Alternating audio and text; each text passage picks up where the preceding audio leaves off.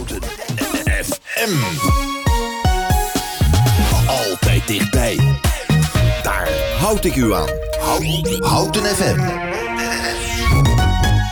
Ja, goedemorgen, goedemorgen, goedemorgen. Houten, welkom in de nieuwe dag. We zijn hier live vanuit Cultuurhuis Schoneveld met het programma uh, Daar hou ik u aan. Uh, waarin wij, zoals u van ons gewend bent, uh, de vinger aan de politieke pols houden. en dat doen wij vandaag in een, ja, in in een koud, koud houten. Maar op een dag waarop Oranje de VS een lesje gaat leren. Dus het wordt een mooie dag. We hebben daarbij nog, hè, dus dan hebben we dit al allemaal gehad. Hè, daarbij krijgen we ook nog een leuk gesprek met twee uh, uh, mooie gasten die we 130 dagen geleden ook gehad hebben. Dat uh, is namelijk Willem Zandbergen, fractievoorzitter van het ITH. En Wijnand Jonkers van de Natuurlijk Houten. Die vandaag in plaats komt van Marian Ane. Die om redenen, persoonlijke redenen vandaag even thuis is. Um, dankjewel, leuk dat jullie er allebei zijn. Hebben jullie een beetje mentaal voorbereid? Bedoel je op het gesprek of op de wedstrijd van vanmiddag? ja, hele goede vraag. Hele Dat begint vraag. al scherp. uh, waar heb je je op voorbereid? Uh, nou, op beide. Op beide. Ik uh, verheug me op dit gesprek en op vanmiddag om met de wijk te gaan kijken. Oh, dan hebben we dat alvast gehad. Hoeveel denk je dat het wordt? ik denk dat het best wel lastig wordt. 1-0. 1-0, heldere taal. Willem, ja, ik ga voor 2-1 voor Nederland. Je gaat voor 2-1 ja, voor Nederland. Wel. Ja. En waar heb jij op voorbereid? Je hebt warm gelopen? Ja, een beetje. Nee, ik heb me niet echt uh, zwaar voorbereid of zo. Ik bedoel, uh, ik uh, ben redelijk bewust met waar we mee bezig zijn en houden vanuit de politiek. Dus ik laat me graag verrassen door jullie vragen. Ja, het makkelijke antwoord was natuurlijk geweest dat je je op dit gesprek 130 dagen hebt voorbereid. Mm. Ja, dat zou eigenlijk het mooiste antwoord zijn. Hè? Maar goed, uh, de, de, voorbereidingen houden niet op bij 130 dagen. Dus uh, er komen nog, uh, komt nog een lange periode aan. Dus, maar in ieder geval hebben we wel even teruggeblikt. Nee, de, de, voor de luisteraar even. we hebben aan het begin, toen het college net gevormd is... onder leiding van, zeg ik maar even, ITH. ITH ja. heeft toen het college gevormd. En die heeft toen een grote verschuiving gemaakt bij de laatste verkiezingen. Ging naar acht zetels toe. Daar kwam een nieuwe partij bij. dat is de partij van uh, Natuurlijk Houten. Uh, toen onder leiding, of nog steeds onder leiding van Marianne Ane. Maar vandaag vertegenwoordigd door uh, Wijnand Jonkers. Um, en dat jullie begonnen aan iets waarvan je allebei... Jullie zijn eigenlijk allebei groentjes. Ja, nou ja, groentjes. Ik weet niet of ik me daar helemaal toe reken hoor, Arthur. Uh, ik moet zeggen dat uh, ik draai natuurlijk wel uh, enige tijd mee in de politiek. Maar het is voor ons eerst wel dat wij... Een, en met de paplepel ingegoten. Absoluut, vanuit huis. Uh, maar het is voor ons wel de eerste keer dat wij gaan deelnemen aan een college. Of zijn gaan deelnemen aan een college. Ja. Dus het eerste resultaat, als je het hebt over 130 dagen... vind ik het heel baanbrekend dat de inwonerspartij nu voor het eerst deelneemt... En tegelijkertijd meteen de mogelijkheid biedt naar een andere lokale partij om te mogen deelnemen. Ook al omdat die eigenlijk helemaal nieuw is. Dus daar vind ik het baanbrekend. Dus ik spreek ook van een breed lokale coalitie. En ook de SGP die voor het eerst deelneemt aan een uh, coalitie. Dus nou, dat eerste resultaat als het gaat om vernieuwing. Echt kijken naar de verkiezingsuitslag. En vervolgens partijen ook een echte kans durven geven. Nou, ik denk dat dat een eerste mooi resultaat al is. Ik stel je ook even voor als Stefan van der Steen, mijn uh, dubbelpresentator, die stak ja. zijn vinger op. Ja, nee, ik, ik, ik, vraag me af, wat betekent dat voor jou persoonlijk? Want het is ineens, je zit ineens in een heel andere rol. Ja. En wat, wat, uh, hoe schakel je daar? Nou ja, hoe schakel je daar? Kijk, uh, wij hebben natuurlijk wel altijd in de oppositie gezeten. Daar een heel kenbaar en herkenbaar geluid laten horen. Tegelijkertijd is onze inzet en insteek altijd geweest... om wel te willen deelnemen aan het college. Je kunt natuurlijk het beste je idealen verwezenlijken... door in een college te zitten. Dus in die zin is het echt wel een verwezenlijking van een doelstelling... een droom, zeg maar, van de inwonerspartij. En voor ons uh, is het natuurlijk de komende periode kijken... van hoe gaan we daarmee om? Ik heb gezegd bij het begin, we hebben gekozen voor met uh, deze twee wethouders voor deskundigheid, diversiteit en dualisme. De diversiteit zit hem erin dat wij uh, twee vrouwelijke wethouders hebben neergezet, waardoor het ja, college ook wat diverser is. De deskundigheid zit hem erin dat Rosa Molenaar, die, komt, uh, die is van oorsprong planologe. Nou, zie de bouwopgave is het heel handig dat je iemand met die deskundigheid in het college hebt. Ja, Ria Vrobijn komt vanuit de cultuursector, vanuit het onderwijs. Dus daarin hebben we gekozen voor deskundigheid. En het dualisme, ja, dat is natuurlijk als je kijkt naar mijn rol. Van ja, hoe ga ik dat in de praktijk vormgeven? Nou, voordat de uitzending uh, begon, Arthur had het er een klein beetje over. En je zag bij het dossier rondom de Gooienbrug dat wij duidelijk toch ons eigen geluid ook blijven laten horen. En onze rol is ook, ondanks dat wij in het college zitten, om dat college ook nog steeds kritisch te blijven volgen. Heldere taal. Eh, meneer Jonkers, u heeft ook eh, het een beetje met de paplepel. Of tenminste, in uw stamboom zit een eh, oud-wethouder Jonkers. Hè? En dat is ook familie. Ehm, hoe was het voor u? Want dat was nog even het onderwerp waar we op zaten. Van de, iets nieuws. Je, je gaat samen iets nieuws beginnen en je hebt gelijk de verantwoordelijkheid. Dat is, dat is een grote stap. Hoe zijn die eerste 130 dagen jullie bevallen, meneer Jonkers? Ja, dus in dat opzicht zijn we, eh, mij persoonlijk ben ik wel een groentje in de politiek. En tegelijkertijd nu eh, een jaar actief en, en eh, begin het aardig eh, te begrijpen wat er allemaal speelt. Eh, het voordeel voor ons is dat we in onze fractie twee eh, raadsleden hebben die al ervaring hebben in de, in de raad. Dat we een wethouder hebben die ook met veel ervaring eh, eh, is gekomen. Eh, goed bij jullie bekend eh, natuurlijk, bij Omroep Houten. Ja, Paul van Ruitenbeek. Paul van Ruitenbeek. En dat we op die manier ook, eh, ook een goede start konden maken. Ja, en voor ons eh, de eerste honderd dagen was... eh, nou, we hebben het coalitieakkoord met elkaar eh, gesmeden. We denken dat we daar een goed plan voor hout hebben gemaakt met elkaar. En we zijn blij met de uitwerking nu in het collegeprogramma... waar nou, aan de ene kant het college aan de slag is gegaan... om al die ambities die we hebben opgesteld, om dat vorm te geven. Aan de andere kant hebben we als raad laten zien dat we met elkaar dat nog kunnen gaan aanscherpen. Er zijn tijdens de behandeling van het collegeprogramma 22 moties en amendementen aangenomen.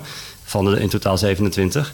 En dat laat zien dat wij dat dualisme waar eh, de heer Van Zandbergen net aan refereerde, ook wel daadwerkelijk serieus nemen. En dat eh, we niet zomaar alles wat het college meekomt eh, eh, overnemen. Maar dat we kijken van hoe kunnen we betere plannen voor houten maken. En die sfeer die bevalt me wel. En dat is ook waar ik me de komende nou, drieënhalf jaar nog wel voor wil blijven inzetten. Ja, ik hoor bij jullie allebei van het bevalt me wel. Hè? Het gevoel van. nou kan ik me voorstellen, jullie zijn allebei, als ik het even in mijn eigen woorden samenvat, praktisch ingestelde partijen. Jullie kijken naar wat hier gebeurt. eh, jullie zijn niet ideologisch gedreven. Is dat een correcte samenvatting? Ehm, ja, praktisch dat we wel het beste voor houten willen. Dus dat ja. En tegelijkertijd hebben we wel een, basis. En, en voor ons is de, de, de basis, eh, hebben we in ons verkiezingsprogramma eh, neergelegd. En het basisidee bij ons is nabuurschap. Dat je er voor elkaar bent. En dat eigenlijk alle ideeën die we hebben, of nou in de ruimtelijke ontwikkeling is of in de sociale zorg, kijken we vanuit dat concept van nabuurschap. Eh, ja, dat is natuurlijk iets waar eh, geen partij echt, eh, tenminste, ik kan geen partij bedenken die, die tegen nabuurschap is. Nee, maar tegelijkertijd zijn er wel partijen die denken van... als er een probleem is, moet de overheid het oplossen. En wij denken eerst van kijk, kijk wat kunnen we als gemeenschap voor elkaar... En de overheid moet natuurlijk voor de allerzwakste zijn moeilijkste en, en, en, en die ondersteuning bieden. Maar niet de basisuitgangspunt, de overheid moet alle problemen oplossen. Ja, ik wilde naar die vraag toe, eh, Willem Zandbergen. Je, je- jullie hebben eh, eh, samen eh, de, de, de- de verandering teweeggebracht in eh, Houten. Maar dan moet je Ja. toch gaan werken met ideologisch gedreven partijen... zoals eh, de VVD, eh, de... mm, ehm, SGP. eh, ja, ik, ik wou zeggen ChristenUnie, maar ik weet niet waar dat vandaan komt. Dat was meer het landelijke beeld ooit, denk ik. SGP dus. Ehm, dat, eh, dan kan ik me voorstellen dat dat ook wel botst. Dus dat jullie wat, laten we zeggen, dat is dan mijn samenvatting, niet ideologisch gedreven. Hè? Niet, eh, Dat dat, dat, dat een, een klus wordt. Ja, kijk, als ik daarop terugblik. Nou, één ding vooraf misschien van. Ja, zijn wij een ideologisch eh, gedreven partij? Eh, niet zoals de SGP, dat wij bijvoorbeeld de Bijbel als fundament neerleggen. Hè, eh, of, of bijvoorbeeld de, de sociaaldemocratie bij de Partij van de Arbeid. Maar het is wel zo dat er een visie onder ligt bij de Inwonerspartij. Waarin wij zeggen: een samenleving maak je met elkaar waarbij die inwoner dus centraal staat. En dat betekent dat de samenleving wordt niet gemaakt alleen door de marktwerking. Zeg maar een beetje de VVD-ideologie. Wordt ook niet alleen gemaakt vanuit de overheid. Hè, Een beetje de Partij van de Arbeid, sterke overheid. Maar juist ook de kracht van het maatschappelijk middenveld. Dus het investeren. Dat zie je bijvoorbeeld ook nu terug in het coalitieakkoord en in het collegeprogramma. Investeren bijvoorbeeld in de bibliotheek, in sport, in het rijke verenigingsleven van Houten. Dat we van daaruit Houten sterker maken. Maar waarbij in besluitvorming niet achteraf, maar vanaf het begin de bouwstenen de inwoners zelf zijn. Daar ligt de deskundigheid. En vanuit die visie werken wij samen. En ik zie eigenlijk eh, terugkijkend op die hele totstandkoming van dat coalitieakkoord, dat er best wel een lange aanloop nodig was. Maar toen uiteindelijk deze vier partijen elkaar gevonden hadden, dat we toch in een betrekkelijk korte periode er goed zijn uitgekomen. Omdat we toch wel verbindingen weten te leggen op die inhoud. In dit geval met de VVD, natuurlijk Houten en de SGP. Hoe bevalt het jullie? Dus je hebt nou die voor het eerst eh, te maken met die, eh, zeg maar, niet eh? Je, hebt te maken met verantwoordelijkheid nemen. Dat geldt voor jullie allebei. Wat is het, is het leuker? dan het raadswerk, Wijnand Jonkers? Nou ja, ik, had het, ik heb het niet meegemaakt in de andere rol. Dus in dat opzicht is het voor mij gelijk deze, deze rol als, als collegepartij. Ehm, aan de, aan de, ene kant denk ik van ja, het, is, het is mooi. Hè? Je, je zit dichter bij de macht, je, je hebt de dichte invloed. En tegelijkertijd vind ik het wel mooi hoe wij het nu met elkaar met deze partijen invullen. Dat we de oppositie ook wel daadwerkelijk serieus nemen. En dat we ook met hen kijken van wat zijn plannen waar we echt houten beter kunnen maken. En een voorbeeld is dat we samen initiatiefnemer zijn geweest van het Armoedefonds. En tegelijkertijd waren GroenLinks en Partij van de Arbeid bezig met voorstellen wat deels invulling daaraan kan geven. Nou zijn we met elkaar gaan kijken hoe kunnen we dat zo sterk mogelijk maken. En zijn we nu met een gezamenlijk plan gekomen om... Uh, nou ja, het college heeft dat nu net uitgewerkt en, en heeft ons geïnformeerd... hoe mensen die in problemen komen door de hoge energiekosten nu geholpen gaan worden. En dat bevalt me wel dat dat op deze manier gebeurt in, in goede harmonie. En is dat, uh, is, is dat voor jou verrassend, Willem? Nou, wat, wat ik wel uh, mooi aan deze periode vind, is dat wij uh, in het verleden altijd een aantal standpunten hadden. En nu echt de kans hebben om ook dat te verzilveren ik zie ook, en dat geldt voor ons misschien ook wat anders, juist omdat wij zo'n grote partij zijn geworden met acht zetels, zie ik ook echt een verantwoordelijkheid, een opdracht die de kiezer ons heeft gegeven. Om de standpunten die wij verkondigd hebben tijdens de verkiezingen en in de periode daarvoor, om die ook echt te verwezenlijken. En wat ik heel mooi vind in deze periode, dat dat eruit ziet dat dat gaat lukken. Dus dat we zien dat bijvoorbeeld zo'n heel programma rondom de ruimtelijke koers, en dat we daar voor nu definitief afscheid hebben van genomen. Dat is ook wat de kiezers van ons hebben verwacht. En dat zien we ook dat we dat realiseren. Hetzelfde Hetzelfde geldt voor het behoud van het dorpse karakter. Dus geen massale hoogbouw, geen stedelijke verdichting, maar juist meer ruimte voor groen en de menselijke maat. Ja, daar kan ik wel van genieten dat het ons gelukt is om met steun van die inwoners uiteindelijk deze beweging neer te zetten. Tegelijkertijd heb ik bewust gekozen om zelf in de raad te blijven. Want ja, dit zijn mooie plannen en het moet ook gerealiseerd worden. Maar juist omdat ik me zo verantwoordelijk voor voel, heb ik gezegd: ik blijf in de raad om uw college wel goed te controleren dat gebeurt wat wij hebben beloofd aan onze kiezers. We gaan het straks verder hebben over uh, inderdaad wat nou die concrete invulling is van die beloftes uh, die jullie gedaan hebben. Dat gaan we doen uh, na de plaat. Meneer Jonkers, nog even u voor het, um, voor het eind, eindsignaal naar de plaat toe. Ehm, heeft u het gevoel dat de, de samenwerking zoals die nu is in het college en de, en de tegenkrachten die dat oproept. In de, hè, want de oppositie is een beetje gaan samenwerken. Die hebben een overleg. Is, dit de, is dit de ideale manier om je werk te doen? Nou ja, ik, ik, begrijp de oppositie hoe ze dat doen. En ik vind het juist ook mooi dat het gelukt is de afgelopen weken om daar iets van uit te komen. Hè, van coalitie-oppositie heel erg tegen elkaar. Maar ook gewoon. Door dat armoedefonds. Uh... Nou, dat is, dat is een voorbeeld. Maar zo zijn er wel meer voorbeelden van moties en amendementen van de afgelopen weken. Waar je ziet dat, dat er ook wel wat uh, crossover zijn gekomen. Uh, dus het kan, het kan nog beter, maar ik denk dat dat ook moet settelen. Dat iedereen weer uh, moet wennen aan de plek waar, waar we zitten. En uh, ik heb goede hoop dat, dat we de komende 3,5 jaar wel goed met elkaar uh, verder kunnen. Om te zorgen dat we, als de grote problemen komen die er gezien alle ontwikkelingen zijn, waarschijnlijk nog wel op ons afkomen, dat we snel kunnen schakelen. Want dat vraagt de inwoner van Houten wel van ons. Helder taal. We gaan even luisteren naar een plaat gedraaid door Ruben Driesen.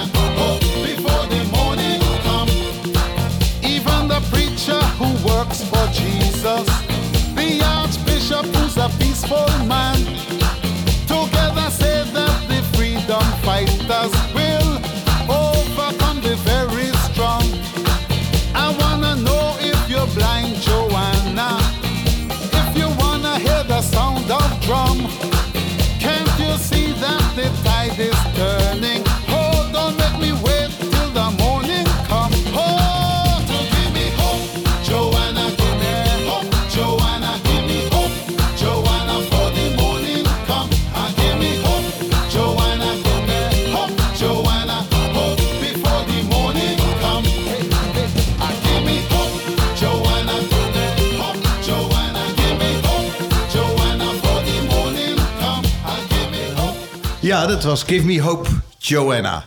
Ehm, even een fris eh, begin eh, van de ochtend. U, luistert naar, daar hou ik u aan, live vanuit Cultuurhuis Schoneveld. eh, met vandaag Wijnand Jonkers van ehm, Natuurlijk Houten. Eh, die even Marian Ane vervangt, lijsttrekster van eh, Natuurlijk Houten.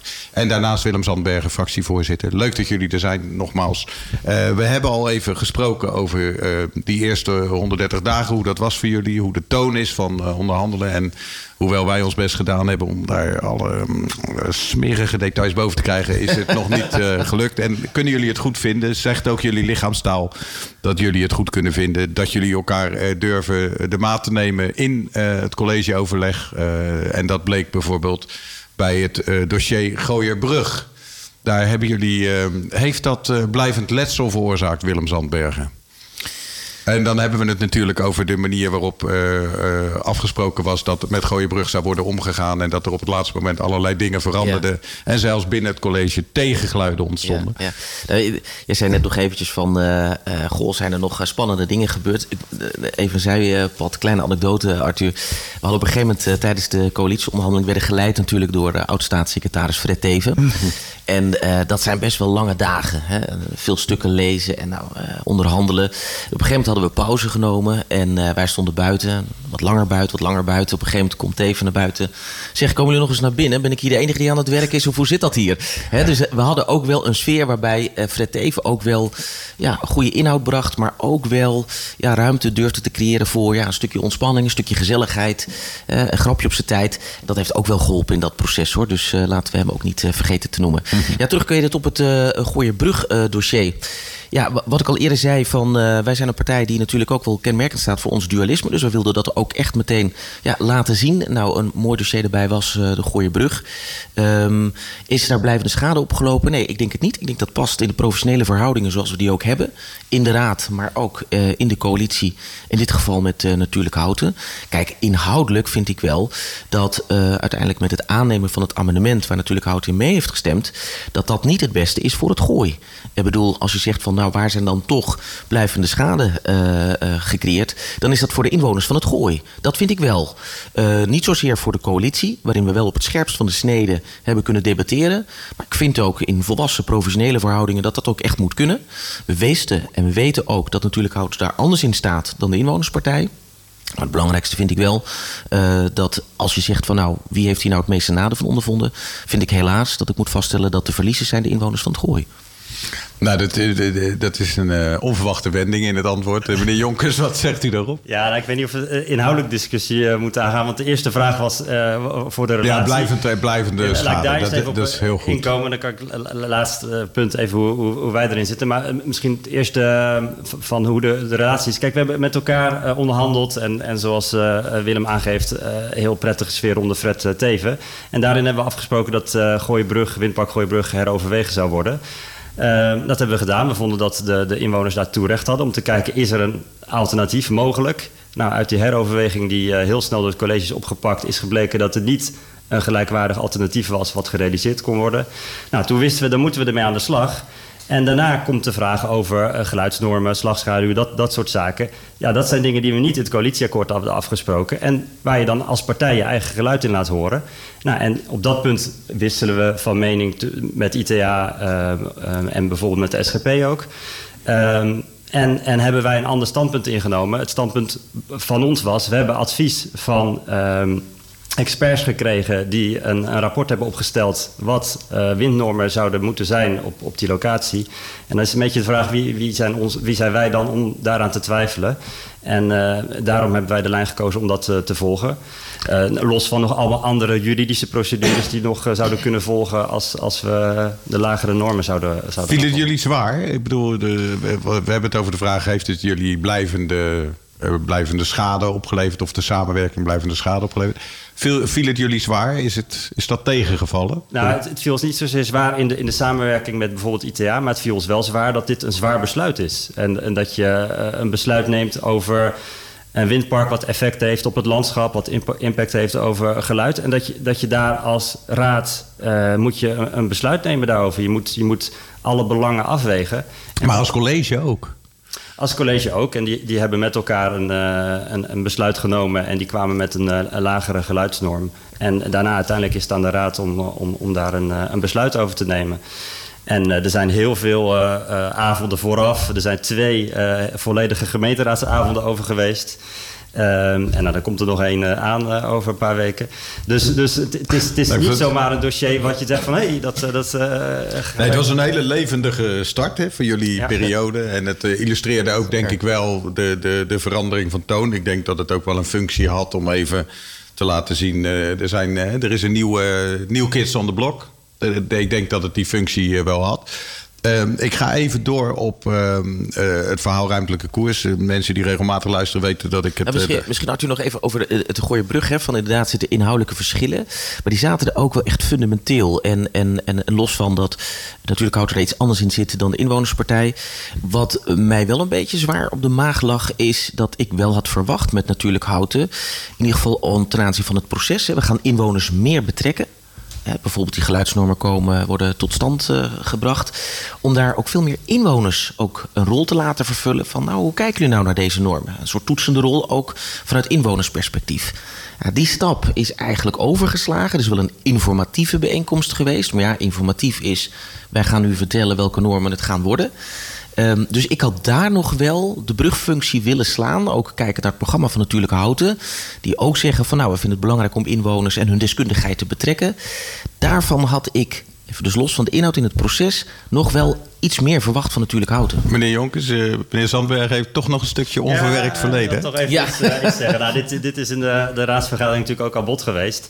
En ehm, ja, ik, ik zou dan ook willen zeggen van het, het proces door het college is wel eh, van tevoren neergelegd. Dus, dus eh, ITA had ook de ruimte gehad om van tevoren aan te geven als ze dat echt heel zwaar vonden. En dat, dat nou, gezien het partijprogramma van ITA is dat zo. Dan was dat, dan was dat ook een mogelijkheid om het college ook mee te geven. Eh, van eh, nou, een informatieavond is niet voldoende. We, willen nog, nog meer. En eh, nou ja, wij denken gezien de, de druk die op het proces stond, hè, met de planning die er was, is het, en, en ook de hele geschiedenis, hè, want het loopt al twintig jaar, dit, dit hele initiatief. Ehm, is het ingewikkeld om een breed participatieproces... en misschien kunnen we straks de stap naar de ruimtelijke koers... en, en hoe we dat nu wel willen gaan doen. Daar hebben we nu de ruimte om een participatieproces op te zetten... zoals wij vinden, maar in dat opzicht eh, zijn we volledig in lijn met ITA... dat, dat je dat eh, op een goede manier moet oppakken. En we zijn blij dat voor de toekomstige woningbouw van Houten... dat nu eh, opgepakt wordt door dit college. Nou, de- ik, ik, wilde het voorbeeld, ik wilde met het voorbeeld beginnen, omdat het inderdaad een bruggetje is naar de ruimtelijke koers, waar ik het doorgaans niet zo vaak over heb, omdat ik het gevoel heb dat het de komende vier jaar eh, dat het nog even geen echt thema is in de zin dat we de eerste paal niet de grond in gaat. Dus dat het eigenlijk eh, het, het, het is een beetje een fantoom onderwerp, in ieder geval voor de houtenaren, niet voor de bestuurders, dat snap ik. Ehm, dus ik, ik ben even benieuwd om die stap te maken naar die ruimtelijke koers. Ehm, wat gebeurt er op dit moment concreet? En dan heb ik het echt over welke, welke ambtenaren zijn aan het werk gezet, welke punten uit het eh, plan voor de ruimtelijke koers, die we eh, natuurlijk met z'n allen hebben afgeschoten. hè. 17.000 houtenaren die gezegd hebben: dat doen we niet of eh, dat willen we niet. Ehm, dat, dat jullie nu de verantwoordelijkheid hebben om dat nieuwe plan vorm te geven. Waarbij je ongetwijfeld gebruik moet gaan maken van, van onderdelen van het plan zoals het er lag. Want daar was al heel veel geld in gestopt, anderhalf miljoen eh, euro aan onderzoek enzovoort. En ik neem aan dat de onderzoeksresultaten niet veranderen. Dus dat jullie een nieuwe eh, een, een nieuwe weg in moeten slaan. En wat, hoe, wat doen jullie nu met z'n met z'n twaalfen als raad, maar als college? Wat doen jullie nu al om die verandering vorm te geven? En dan kijk ik eerst even naar Willem, omdat jij natuurlijk de Ja. grote... Nou, een, aantal dingen. Eén, je zegt van nou, de eerste paal die zal pas eh, nou, over een aantal jaren in de grond worden geslagen. Ja, dat gaat specifiek om het bouwen in Houten Oost. Maar de ruimtelijke koers omvat eigenlijk meer dan alleen bouwen in Houten Oost. Dat was één van de belangrijkste punten. Waarvan wij gezegd hebben, nou, wij willen in Oost bouwen, want daar heeft eh, Houten een eigen grondpositie. Wij vinden ook bouwen in Houten West geen optie, omdat je dan dicht bij de snelweg zit. Is niet goed voor de gezondheid van de toekomstige bewoners al daar. Moeten ook vervolgens daar allerlei particulieren uitkopen. Denk aan Jongerius. Nou, dan kun je wel iets bedenken van hoeveel miljoenen daaraan gemoeid zijn. Die moeten terugverdiend worden. Ja, via de verkoop weer van die woningen. Nou, dan weet ik wel wat er met die prijzen gebeurt. En die prijzen die zijn al zo hoog. Nou, dat is één aspect, bouwen en houten. Dus daarvan hebben we gezegd, daar gaan we eerst naar kijken. Daar is nu Paul van Ruitenbeek eh, als wethouder mee bezig met de provincie. Want er zijn heel veel dingen die daar georganiseerd en voorbereid moeten worden. En die moet ook toestemming geven voor bepaalde veranderingen. Precies. Dus die is in overleg met de provincie. Dat heeft te maken met de infrastructuur. De bodem in Houten Oost ligt wat lager. Hoe gaan we daarmee om? Eh, ook contact met de omliggende eh, gemeenten. Denk aan Bunnik. Dus die is daar allerlei voorbereidingen aan het doen. We hebben de provincie ook nodig. Ook voor een deel voor een stuk subsidie. Om uiteindelijk dat daar te realiseren. Maar het principebesluit dat wij zeggen we gaan in beginsel bouwen in hout, dat is eh, in Houten Oost is genomen. Het tweede is bij die ruimtelijke koers het concept waar wij zeer tegen hebben geageerd, namelijk massale hoogbouw, stedelijke verdichting, minder groen. Daarvan hebben we gezegd, daar nemen wij afscheid van. Dat betekent ook als er nu gebouwd wordt in bestaande projecten, dus binnen de rondweg of in de kleine kernen, dan zeggen wij, nee, dat doen we via een ander concept, het zogenaamde Houtens DNA, waarin we zeggen we behouden het dorpse karakter, dus geen hoogbouw, eh, eerst zeg maar de voetganger, de fietsers, het groen en dan komen de stenen pas. Dus wat we nu zien is dat bijvoorbeeld wethouder Modenaar bezig is met een aantal locaties, bouwen eh, ruimte die nog binnen de rondweg is of bij de kleine kernen. Je ziet eh, wethouder van den Berg heel goed bezig met Schalkwijk eerst om de inwoners goed te betrekken. Nou, wat zijn jullie woonwensen nou precies om te kijken hoe gaan we daar bouwen? Dus dat is in de, in de, nou ja, zeg maar in de startblokken gezet. En daarnaast gaan we natuurlijk meteen bij de kop pakken. Dat is dat hele gebied rondom de koppeling, het winkelcentrum. Je ziet daar ontzettend veel leegstand. Je ziet dat wethouder Molenaar daar de druk opvoert. Ook in samenwerking met Altera, de eigenaar eigenlijk van het, eh, van het winkelcentrum. Om te kijken van hoe gaan we daar een nieuw concept neerzetten. Ja, de onderzoeken kunnen we deels gebruiken, maar het concept gaat helemaal anders. Dus dat betekent dat wethouder Molenaar opnieuw moet kijken. Van ja, maar we gaan dit anders inrichten volgens de principes van het Houters DNA. Daar is zij nu mee aan de slag. Daar lopen ook nu sessies samen, ook met inwoners. Want we willen dat in gezamenlijkheid doen. En er moet een nieuw concept worden neergezet en dat zal als eerste worden Dus opgepakt. dit collegeperiode, eh, alles rond eh, de koppeling. eh, Absoluut, ja, Meneer. Jonkers.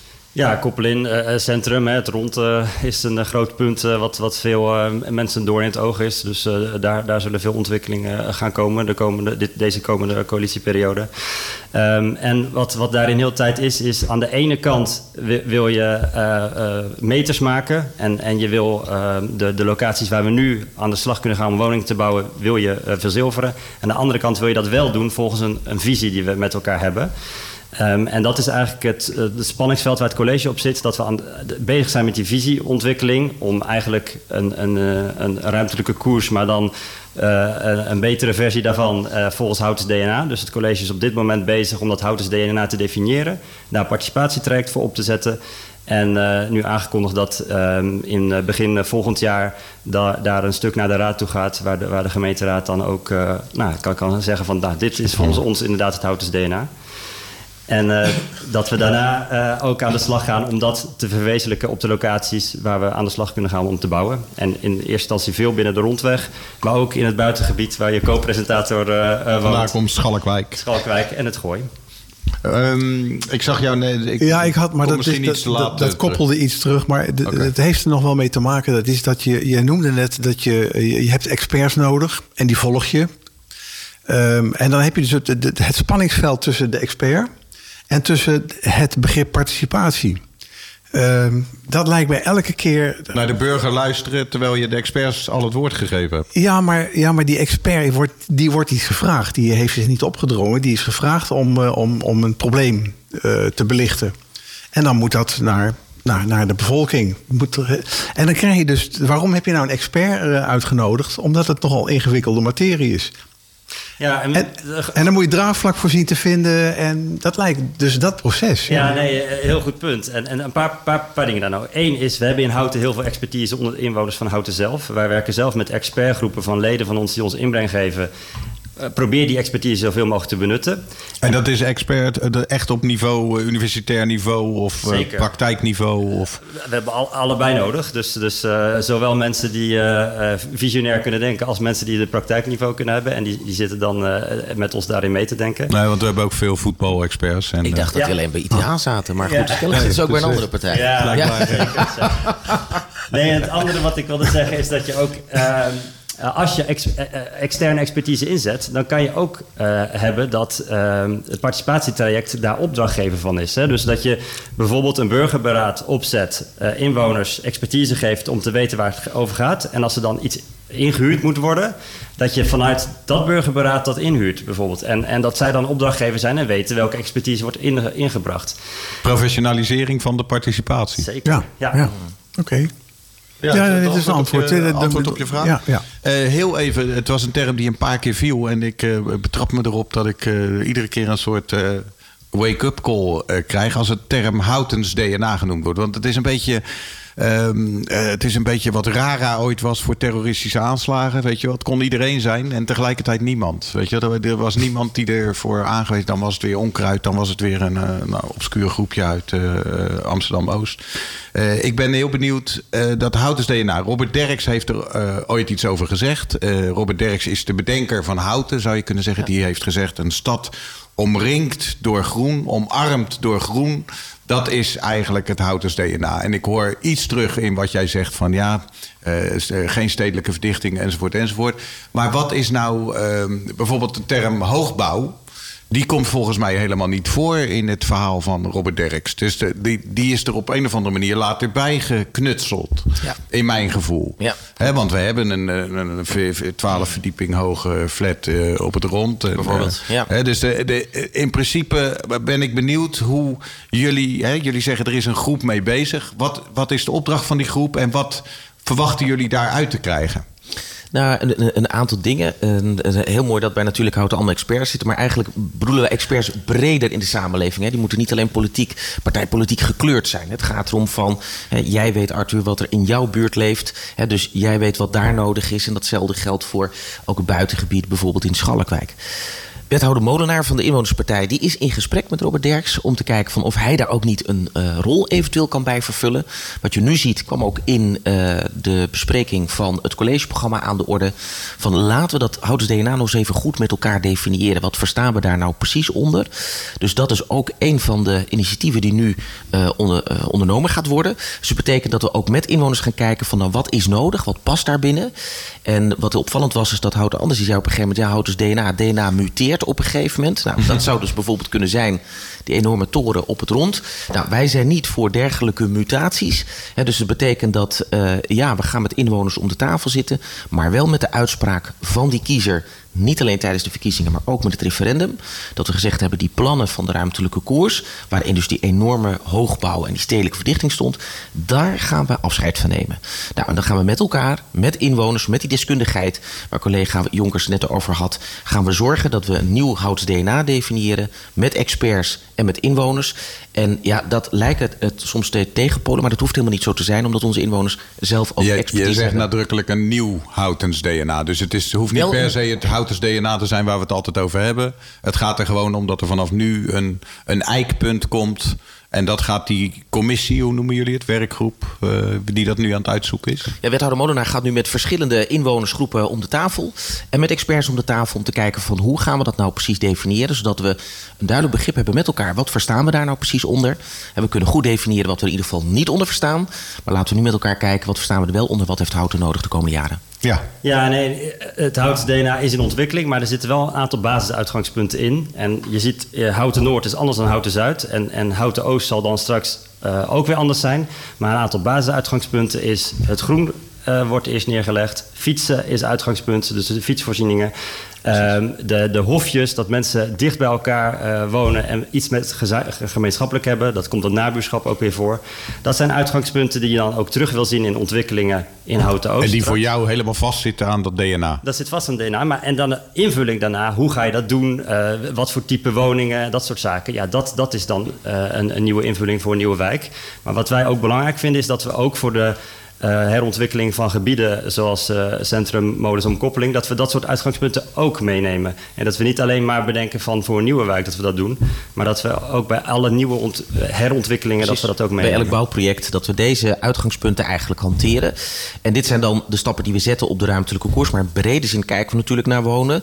Dus dat betekent ook dat we kijken naar eh, ja, een voorrangsbepaling voor eigen inwoners. Niet uitsluitend, hè, want stel dat jij familie hebt... of een oude oma of opa die in de buurt wil wonen... dan is er ook ruimte voor.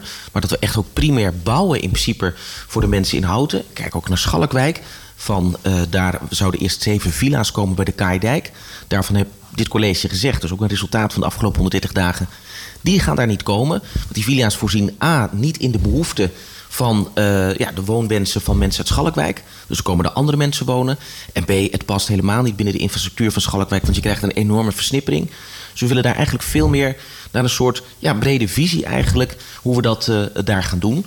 Andere elementen zijn bijvoorbeeld een zelfbewonersplicht. Voorkom dat als je nieuwbouw gaat realiseren dat eh, ja, allerlei speculanten ja, de- die, die huizen gaan opkopen. Dan kunnen we uiteindelijk nog niet voorzien in het bouwen voor onze mensen. Heeft ook een opdrukkend effect als het gaat om de prijzen. Maar bijvoorbeeld ook initiatieven waar wethouder Molenaar van de Inwonerspartij mee bezig is. Om seniorenhofjes te bouwen, zoals een knarrenhof. Om die te proberen te realiseren. Nou, we zullen deze collegeperiode zien dat dat gerealiseerd gaat worden. Want het belangrijk is, we hebben gezien in die ruimtelijke koers. En in die zin, pardon, eh, zijn er een aantal onderzoeksresultaten die we wel degelijk nog steeds goed kunnen gebruiken. Eén is daarvan de demografische gegevens. We weten binnen nu en 10, 15 jaar dat de grootste groep mensen in Houten eh, vooral mensen zullen zijn 60 plus, 70 plus en 80 plus. Nou, waarom waren wij tegen die ruimtelijke koers? Ik denk dat je deze ouderen niet in een flat van 14 hoog moet plaatsen. Die willen gewoon in een ouderhofje, meer generatiehofje. Nou, dus daar moeten we in voorzien. En op het moment dat de ouderen daar naartoe gaan bewegen, want daar willen zij wonen, maken zij ook ruimte vrij door hun huidige bewoningen te verlaten. En dat creëert weer, nou ja, in ieder Doorstroming. geval doorstroming op die woningmarkt in Houten. Maar als je nou ziet wat voor appartementen er hier intussen gebouwd zijn. En daar wonen ook allemaal eh, senioren. Ja. Dus die, eh, die, die, die hoeven dus niet allemaal op een hofje en in, eh, op, de, op, de, op de begaande grond te wonen. Dat kan ook op een hele andere manier. Zeker. Nee, Ja. maar ik hoor nergens dat we gaan niet omhoog. We bouwen niet omhoog. Dat hoor je nergens. Of er wordt een restrictie. Want in het houts DNA en in, de, in de, het originele plan staat ook die, dat, dat trapeziumachtige gebouw. Hè. Dus we, we hadden al in het, in het jaar nul van Houten... hadden we al een hoogbouwgebouw. Heel, een heel erg mooi gebouw. Dat kan toch nog? Maar je zegt, je hoort het nergens. Je hoort het juist eh, veel. Dat uh, Nee, niet de hoogte niet nee, horen nee, het zelfs precies. al voordat het DNA is vastgesteld. Ja, ja, ja, ja. Maar ja, nee, ik heb af en toe ook wel de ideeën van, eh, van ach, kijk eens naar de contouren van Rotterdam en zo. Hè. Eh, durf, Skyline. Durf, is wat. Je Ja, kunt in een andere ja. vormgeving kun je. eh, want het voordeel is natuurlijk wel dat je dan. eh, Want grond en, en, en bewoning, ja, dat, dat bijt elkaar een beetje. Dus als je omhoog gaat, Ja. het kan heel interessant het- zijn. Het, het uitgangspunt wi- willen we wel blijven dat inwoners eh, met elkaar eh, kunnen zijn en dicht bij het groen kunnen zijn. En als je te veel de hoogte ingaat, eh is dat lastiger. Maar we staan open voor innovatieve nieuwe concepten. Dus als dat mogelijk is, eh, willen we dat meenemen met die basisuitgangspunten die Mhm. ik net heb gezegd. Ja, en ehm, ik denk dat er heel veel kansen zijn om eh, nou, ja, alles wat we nu hier eh, verzamelen. En dat, je ziet het, het begin van het gesprek over Gooibrug staat er wat anders in. Maar je ziet in dit gesprek zitten we volledig met elkaar. We hebben met elkaar eh, die motie over zelfbewoningsplicht. Hebben we ITA en Natuurlijk Houten samen gedaan. Die motie over die seniorenhofjes. Niet iedere senior daar te wonen, maar heel veel. Er is een hele lange eh, wachtlijst van mensen die in zo'n seniorenhofje zouden willen wonen. Om, om dat nabuurschap, dat ze met elkaar daar kunnen wonen, daar mogelijk te maken. Dat is ook ITA en natuurlijk Houten die dat eh, hebben geïnitieerd. Dus nou ja, ik, ik hoop dat jullie een beetje zien van hoe het gesprek gaat. Dat we nu echt eh, in die samenwerkingsstand willen. En ik zie raadsbreed veel partijen die hier werk van willen maken de komende jaren. En daarom heb ik wel nou, vertrouwen in het college wat er nu zit. Om, om deze belangrijke opgave die er zit eh, de, komende, de komende coalitieperiode voor elkaar te krijgen. Ja, en wat belangrijk is, hè, Rot- Rotterdam heeft inderdaad een mooie skyline. Hè? Maar Rotterdam hebben we dus al. Hè? En, en, en Houten heeft gewoon een eigen unieke karakter. En daar willen wij op voortbeduren. Hè? Omdat we eigenlijk zien dat dat een hele prettige leefomgeving is. Houten doet dat al jaren goed. Is heel, ja... Is die, is, die, is die zoveel anders dan in Bunnik? Nou, dat, dat, ik weet het niet, maar in vergelijking met Rotterdam vind ik heel groot. Maar in vergelijking met Nieuwegein vind ik bijvoorbeeld ook heel groot. Ja. Dus ik vind in de eh, infrastructuur van Houten... vind ik massale hoogbouw met 14 hoog vind ik niet passend. Dus daar, dat gaat ook deze komende collegeperiode niet gebeuren. Ik weet niet of ik daarmee teleurstel, Nee, maar nee, nee, ik maar- weet wel dat ik heel veel kiezers daarmee tevreden stel. Ja, het is een beetje tegenvaller, maar... Ja. We gaan heel even luisteren naar muziek en dan gaan we zo door met, eh, met het gesprek.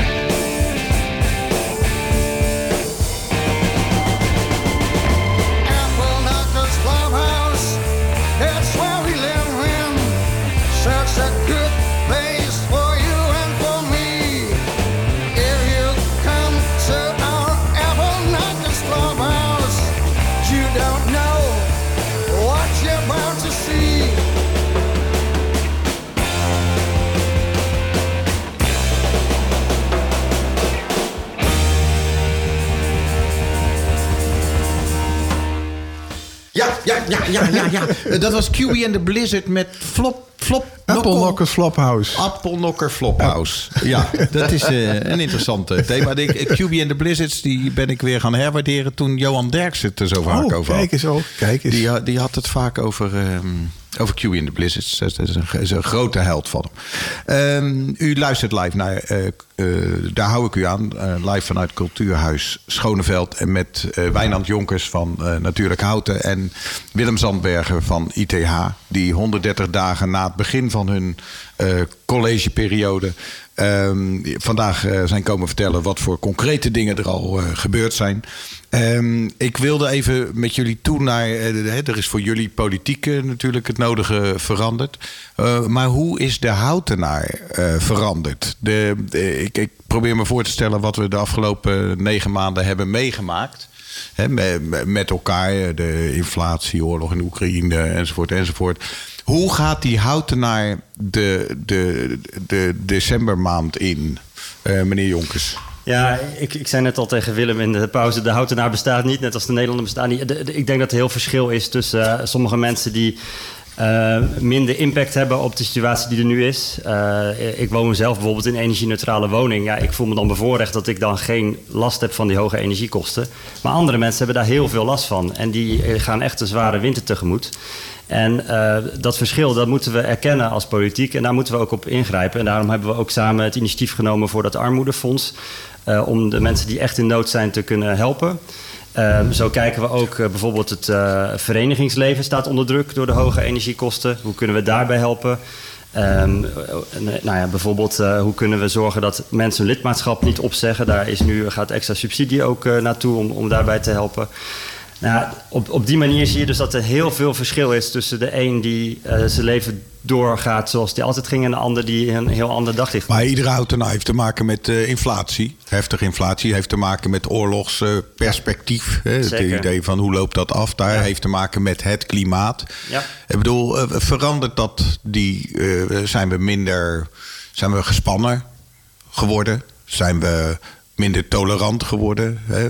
Als het gaat over de discussie rond eh, opvang van, van mensen. Ik bedoel, ik kan me voorstellen, je hebt helemaal gelijk dat er, dat, dat er een tweedeling aan het ontstaan is eh, Ja. door de energieprijzen. maar er is natuurlijk ook een ander eh, perspectief. En dat perspectief geldt wel voor iedereen. Ja, nou, ik zie daar twee kanten in. Aan de ene kant de, de, misschien de angst dat van, van wat gaat er allemaal op ons afkomen. We, niemand kan voorspellen hoe we er over precies een jaar, eh, als we net voor kerst eh, 2023 zitten, hoe het dan is. Hoe, hoe is dan de oorlog ontwikkeld? Dat, dat weten we allemaal niet, dus een angst. Aan de andere kant zie je ook wel dat in deze tijd mensen ook meer naar elkaar toe trekken. Eh, ik ga toch nog een keer nabuurschap noemen. Dat is eh, ons spe- speerpunt. Je, je ziet toch wel dat mensen voor elkaar opkomen. En je zag dat ook in de coronacrisis. Dat juist mensen eh, voor elkaar gingen zorgen. Dus ook in deze tijden zie je dat de kerken extra acties opzetten om mensen te helpen. Je ziet dat de voedselbank aan de slag gaat om met, met al hun vrijwilligers mensen te helpen. Dus je ziet ja, ik, ik wil niet te veel het negatieve blijven hangen. Je ziet ook juist een hele positieve ontwikkeling in de samenleving dat we er voor elkaar willen zijn. Meneer Zandbergen? Ja, ik vind het wel terecht dat u deze ontwikkelingen noemt. Eh, deze grote geopolitieke ontwikkelingen die ons allemaal raken. Eh, dus het is echt zaak, ook vanuit die politiek, om iedereen erbij te houden. Eh, dus dat betekent inderdaad, de een heeft daar meer last van dan de ander. Bij de een heeft dat meer impact dan de ander. Dus vooral ook niet alleen investeringen als het gaat om op dit moment mensen die last hebben van de inflatie, zoals het armoedefonds. Er komt gelukkig vanaf januari een groot koopkrachtpakket ook vanuit de landelijke regering. Dus dat zal, dat zal ons helpen. Tegelijkertijd ehm, ja, zie je ook wel dat het belangrijk is om juist te investeren in die cohesie in die samenleving. En wat ik wel heel mooi vind, is dat nu voor het eerst bijvoorbeeld sinds 8 à 12 jaar weer investeringen plaatsvinden in cultuur, in muziek, educatie, evenementenfonds, festivals. Om mensen zoveel mogelijk wel eh, betrokken te laten. En ook op andere manieren, het doorzetten van de Houtense werktafel, mensen met een afstand tot de arbeidsmarkt, hè, om daarop te blijven investeren. Tegelijkertijd blijft het heel spannend. En dat klinkt misschien een beetje financieel, maar we zijn heel natuurlijk erg afhankelijk van welke middelen krijgen we toebedeeld vanuit het Rijk. Nou, dat zal volgend jaar best wel spannend zijn. De minister van Financiën gaf al aan van nou ja, gaat wel spannend worden hoe we uiteindelijk die begroting rond gaan krijgen. Nou, dan is het extra alert eh, als college om op dit soort ontwikkelingen daarop te blijven anticiperen. Dus dat blijft wel spannende periode. Dat, daar moeten we gewoon niet voor wegkijken. Die moeten we gewoon eh, in de ogen aankijken. Van daaruit met elkaar. En dat vind ik wel mooi dat eh, de jongens dat ook aangeeft. In verbinding ook met die oppositiepartijen. Want daar wat, wat de burger raakt en, en, en, en wat de samenleving totaal raakt, dat is niet een kwestie van coalitie of oppositie. Daar staan we eigenlijk voor gezamenlijk als politiek voor aan de lat. En ik hoop dat we nou, die bruggen die we geslagen hebben met het Armoedefonds, nogmaals het initiatief van ITH natuurlijk houden, mooi met GroenLinks en Partij van de Arbeid. Ik denk dat de burger daar uiteindelijk het meest aan heeft. Heldere taal. Eh, we gaan toe naar een afronding. Ehm, Mag, mag, mag ik daar nog eentje over zeker, zeggen? Want natuurlijk mag misschien gaat iets helpen. De, deze, de, de, de, de, de, de, de energieprijzen die we dus vandaag de dag hebben... gaat die ons niet ontzettend helpen om nou toch die windmolens eens een keer neer te zetten? Want, want daar kun je dus wel eh, enorm tegen zijn. Maar je hebt, ze zo, je hebt ze heel erg hard nodig. En ze zijn niet voor altijd. Maar Ja, het, het eh, versnelt de vergroening. Eh, ik werk zelf ook in, de, in, in dit onderwerp. Dus eh, het, het versnelt de vergroening. Ehm, wat je ook ziet, met name dat het versnelt dat mensen hun huis gaan oppakken en gaan isoleren, dubbelglas of driedubbelglas gaan plaatsen. Energierijk Houten, de stichting hier in, in Houten, doet heel veel werk om ook juist de mensen die het lastig vinden om te weten wat ze moeten doen, te helpen om dat te doen. En ja, je ziet een mega ontwikkeling. Als je nu zonnepanelen op je dak wil plaatsen, eh, de installateur eh, die heeft een eh, wachttijd van maanden voordat dat kan. Eh, dus eh, ja, de, echt een hele grote versnelling daardoor. ja, Heldere taal, heldere taal. Ja, nou, als het gaat om de drijfveren van duurzaamheid, dan zie je eigenlijk dat in die hele gemeenteraad eh, breed gedragen is dat we met duurzaamheid inderdaad aan de slag moeten, ook al aan de slag zijn. Wat mijn opletpunt altijd is, voorkom een opleggingsstrategie. Als je kijkt naar de Gooienbrug, waar de inwonersparticipatie door het vorige college niet goed is opgepakt, dan zie je dat het dossier een soort never-ending story wordt. Daarom onze oproep van probeer duurzaamheid met inwonersparticipatie te integreren. Dan kun je veel sneller je duurzaamheidsagenda uitrollen in plaats van oneindige juridische procedures. Dus dat is eigenlijk belangrijk. Ja, en daar zijn we het over eens. En onze wethouder Paul van Ruitenbeek pakt dit op deze manier nu ook op in de nieuwe. Kijk, eh, Gooibrug is een soort van, eh, van de vorige erfenis, overgenomen. ja. Maar nu, als je kijkt naar de toekomstige ontwikkeling, belangrijke ontwikkeling is hoe gaan we van het gas af? Of gaan we dan en wanneer en hoe?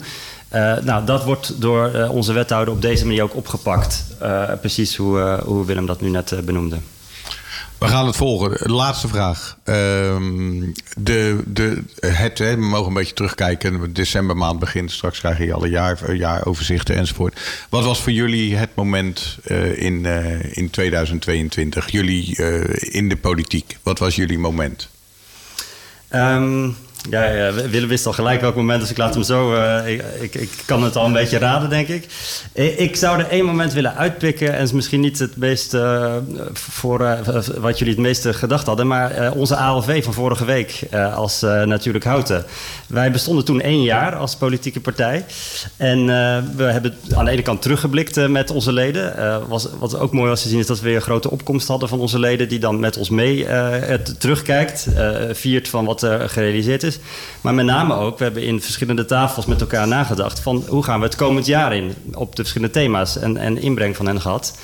Dus ja, voor mij is dat het hoogtepunt dat we kunnen laten zien dat we er niet alleen daar als fractie of als wethouder zitten, maar dat we daar voor eh, Beweging achter de zit. beweging achter zit en voor alle inwoners van Houten uiteindelijk het zo goed mogelijk willen doen. Nou, heel benieuwd wat eh, Willem Zandberg voor het moment heeft. Nou ja, kijk, voor ons is natuurlijk politiek gezien het belangrijkste eh, punt voor ons afgelopen jaar natuurlijk onze ja, verkiezingsoverwinning. Oh, had ik niet natuurlijk zien de aankomen. afzetels. nee, nee. Maar acht zetels, hè? En toch wilde ik hem eigenlijk niet noemen, want ik zei dit als grapje. Waarom? Ehm, eh, nou, het, heeft er wel mee te maken. Daardoor hebben wij natuurlijk nu zeggenschap over welke kant het op gaat de komende vier jaar. Maar de belangrijkste overwinning vind ik eigenlijk dat de mantelzorgwaardering omhoog gaat. Belangrijk punt voor ITH. Omdat we kunnen het over hele grote ontwikkelingen hebben. Maar als jij dagelijks afhankelijk bent van de zorg van de ander. En je hebt vrijwilligers of familieleden die zich daar dagdagelijks voor inzetten. Ja, die maken eigenlijk elke dag het verschil. En een kleine waardering om dat uit te spreken naar elkaar. Ja, dat zijn eigenlijk de bouwstenen van onze samenleving. Dus dat zijn eigenlijk de helden van onze samenleving, de mantelzorgers. Zo even op de valreep. Net voor een hele mooie eindejaarsboodschap. Toch? Mooi stichtelijke woorden. Heel goed, heel goed. Dankjewel allebei voor een, eh, voor een leuk gesprek. En eh, voor het, eh, het, het verantwoording afleggen over 130 dagen politiek die jullie eh, hier in hout te brengen. Ehm, we blijven jullie natuurlijk op de voet volgen.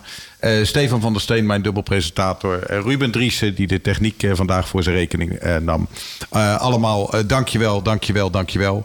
Eh we zijn er eh, over twee weken weer. Ehm, dan weer met John van Amerongen. En ehm, dan gaat u natuurlijk ook weer luisteren. Zet hem op. Fijne feestdagen en tot ziens. Bedankt. Dank Arthur.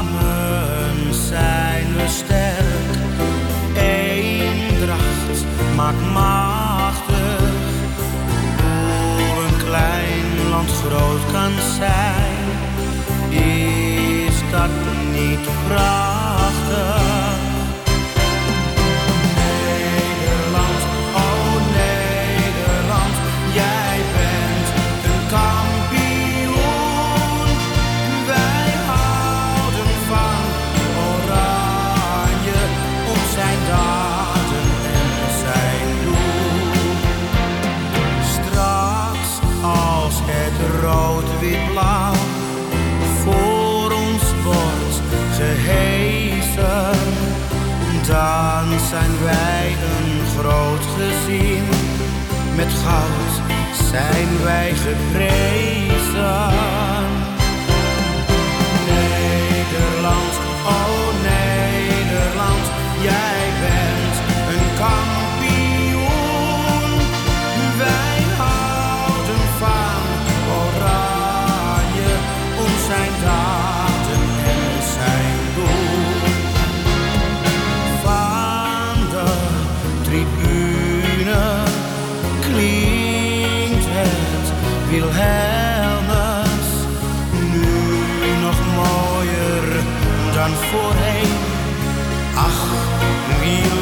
Geen?